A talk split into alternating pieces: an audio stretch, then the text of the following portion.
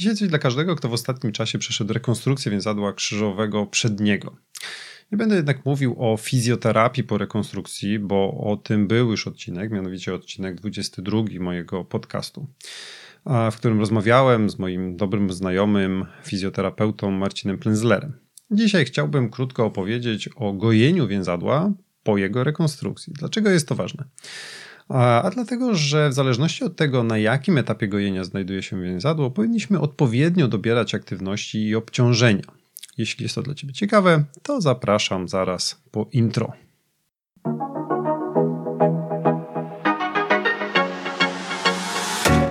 Witam Cię bardzo serdecznie w 45. odcinku podcastu Ortopedia Moja Pasja. Ja nazywam się Michał Dringa, jestem ortopedą, a w podcaście omawiam problemy ortopedyczne, pokazuję jak pracuję, czym kieruje się proponując konkretny sposób leczenia oraz jakie są jego alternatywy i możliwe powikłania. Jeśli interesujesz się ortopedią, szukasz rozwiązania swojego problemu po urazie lub uczysz się ortopedii, koniecznie wysłuchaj tej audycji.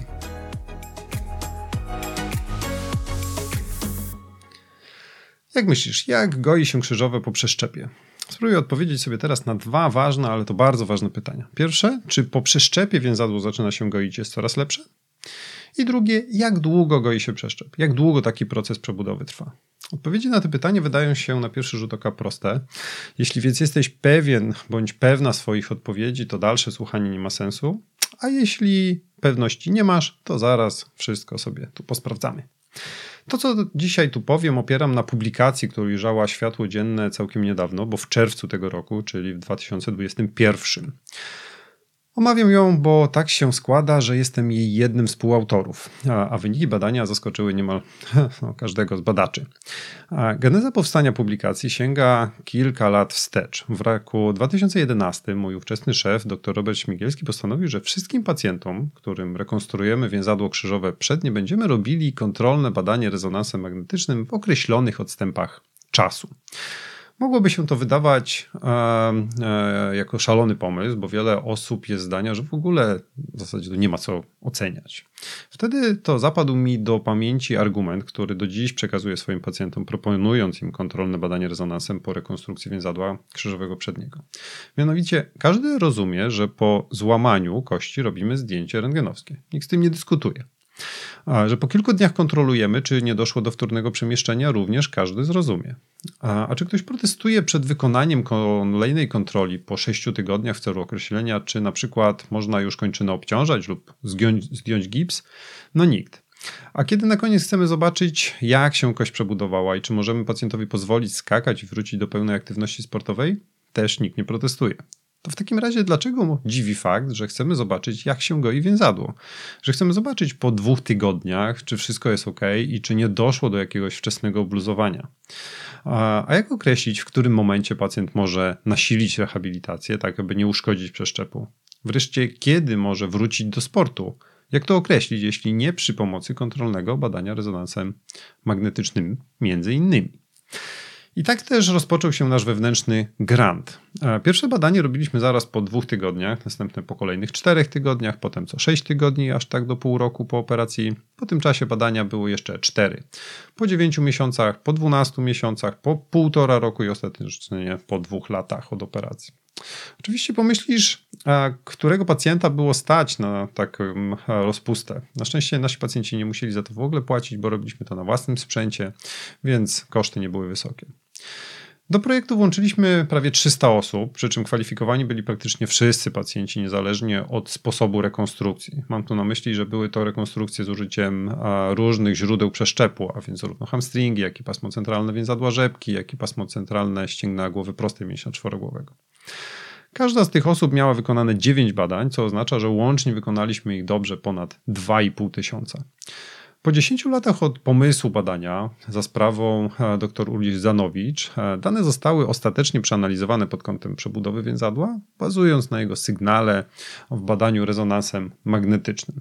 Oprócz dr Zanowicz, doktora Śmigielskiego i mnie, autorami e, byli dr Ciszkowska Beata, dr Marcin Paśnik, dr Karol Ratajczak, Kamil Kulawka i Join Lee. Ostatecznie tworząc bardzo jednorodną grupę pacjentów, wybrano 44 osoby operowane w latach 2011-2015. W grupie znalazło się 21 pacjentek i 23 pacjentów. Wybrane osoby były poddane izolowanej rekonstrukcji więzadła krzyżowego przedniego z wykorzystaniem pasma centralnego więzadła rzepki. Przeanalizowaliśmy łącznie 396 badań rezonansem magnetycznym. E, stan przeszczepu ocenialiśmy tak zwaną metodą ilorazu sygnału do szumu, ale nie będę teraz przynudzał dokładnym tłumaczeniem tego. Ocenialiśmy również jednorodność przeszczepu. Z kolei stan przeszczepu skorelowano z wiekiem pacjenta, płcią, e, obciążaniem pooperacyjnym, a także z pośrednimi objawami niewydolności przeszczepu w, badania, w badaniu rezonansem magnetycznym. A takimi objawami jest m.in. kształt więzadła krzyżowego tylnego oraz stopień podwichnięcia przedniego kości piszczelowej. I co tam nam wyszło? E, po pierwsze okazało się, że wartość obliczanego parametru obrazującego stan przeszczepu nie zmienia się linijnie, a ma kształt krzywej ze szczytem wartości około 36 tygodnia. Jeśli wiemy, że im niższa wartość parametru, tym lepszy stan przeszczepu, to okazuje się, że w najgorszej formie jest ono właśnie po 36 tygodniach. To uwaga 9 miesięcy. Wartości są najlepsze w drugim tygodniu i to nie dziwi, skoro wstawiamy zdrowy kawałek ścięgna. Potem dość szybko jednostajnie rosną do 24 tygodnia i już tylko nieznacznie pomiędzy 24 a 36. Po tym okresie wartości zaczynają spadać, ale aż do 96 tygodnia, kiedy nasze badanie się kończyło, wartości nie osiągnęło tych wyliczanych po dwóch tygodniach. Oznacza to, że prawdopodobnie nasz, e, nawet po dwóch latach od operacji, więzadło nie odzyskało jeszcze swoich docelowych parametrów. Taki kształt krzywej przebudowy powtarzał się niezależnie od wieku pacjentów, ich płci czy wyjściowego obciążania kończyny. Nie oznacza to jednak, że te zmienne nie miały wcale wpływu na gojenie. Otóż nasza analiza wykazała, że więzadło goi się nieznacznie gorzej u mężczyzn oraz u osób młodych, chociaż nie były to różnice istotne statystycznie. Badanie wykazało z kolei różnicę w gojeniu w zależności od stopnia obciążania kończyny. Otóż w grupie, której pozwalaliśmy obciążać kończynę od razu, wyniki były zdecydowanie lepsze. Oznaczałoby to, że pozwalając pacjentowi obciążać kończynę od razu, uzyskujemy lepszy wynik no to może nawet i dobrze, bo pacjenci wcale nie są szczęśliwi, kiedy e, stawać na nodze nie mogą, a jeszcze do tego lepiej będą się goić, kiedy obciążają. Super. Moje osobiste przemyślenia są jednak takie, że wcale to do końca nie musi być prawdą, bo komu, nie, bo, bo komu my nie pozwalaliśmy obciążać. E, nie było to tak, że spod palca jako zaślepioną próbę jednym pozwalaliśmy stawać, a innym nie.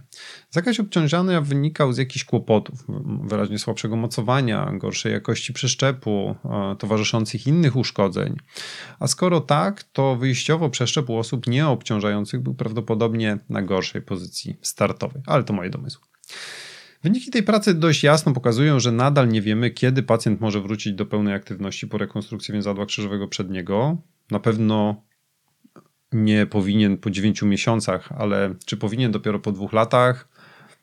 Tego nie wiem, bo może i to za wcześnie. Niestety literatura nie jest zgodna pod tym kątem, chociaż coraz częściej mówi się o coraz dłuższych okresach powrotu do sportu. Są prace, które wykazują najgorszy stan przeszczepu po 6 miesiącach, inne, że więzadło potrzebuje na przebudowę od 18 do 24 miesięcy, a jeszcze inne, że oryginalnych parametrów nie uzyska nawet jak będziemy czekać 10 lat. Kiedy w takim razie pozwolić pacjentowi na bezpieczny powrót do sportu? Wiemy już, że nie ma jednoznacznej odpowiedzi, od czego w takim razie to uzależnić. I my tutaj zaproponowaliśmy pewne kryteria. Otóż są to gotowość psychiczna do sportu, brak bólu, klinicznie stabilne kolano badanie rolimetrem lub przy użyciu KT1000, mm, zakres ruchomości minimum 130 zgięcia i pewnie warto dodać, że z symetrycznym przeprostem, dobry sygnał w badaniu rezonansem magnetycznym, no i dobre wyniki w badaniach biomechanicznych, w tym symetryczna siła mięśni i dobra propriocepcja. Szczerze mówiąc, rzadko udaje się to osiągnąć szybciej niż po roku. Na koniec wrócę do pytań zadanych na samym początku. Czy podtrzymujesz swoją opinię na temat sposobu gojenia więzadła oraz czasu jego przebudowy? Czy faktycznie w zależności od upływu czasu więzadło jest wygojone coraz lepiej. Zapraszam oczywiście do wymiany zdań na ten temat w komentarzach, w miejscu, w którym znalazłeś ten materiał, niezależnie czy będzie to strona internetowa, strona podcastu, czy media społecznościowe. Ciekaw jestem Twojej opinii. Na stronie tego odcinka pod adresem www.drmik.pl ukośnik 045 znajdziesz nasz artykuł w pełnej wersji w postaci PDF. Zamieszczam również listę pozycji literatury, z której, literatury, z której korzystaliśmy w opracowaniu tej publikacji. Tymczasem to wszystko. Trzymam kciuki za wszystkie gojące się więzadła i życzę szybkich powrotów do sportu. Pozdrawiam. Cześć.